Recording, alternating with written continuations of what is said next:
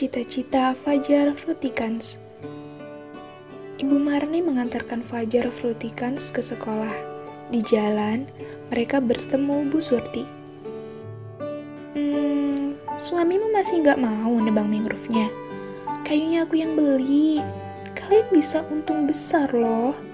Bujuknya. Maaf, Bu. Kami tetap mempertahankan mangrove kami. Jawab Bu Marni tegas.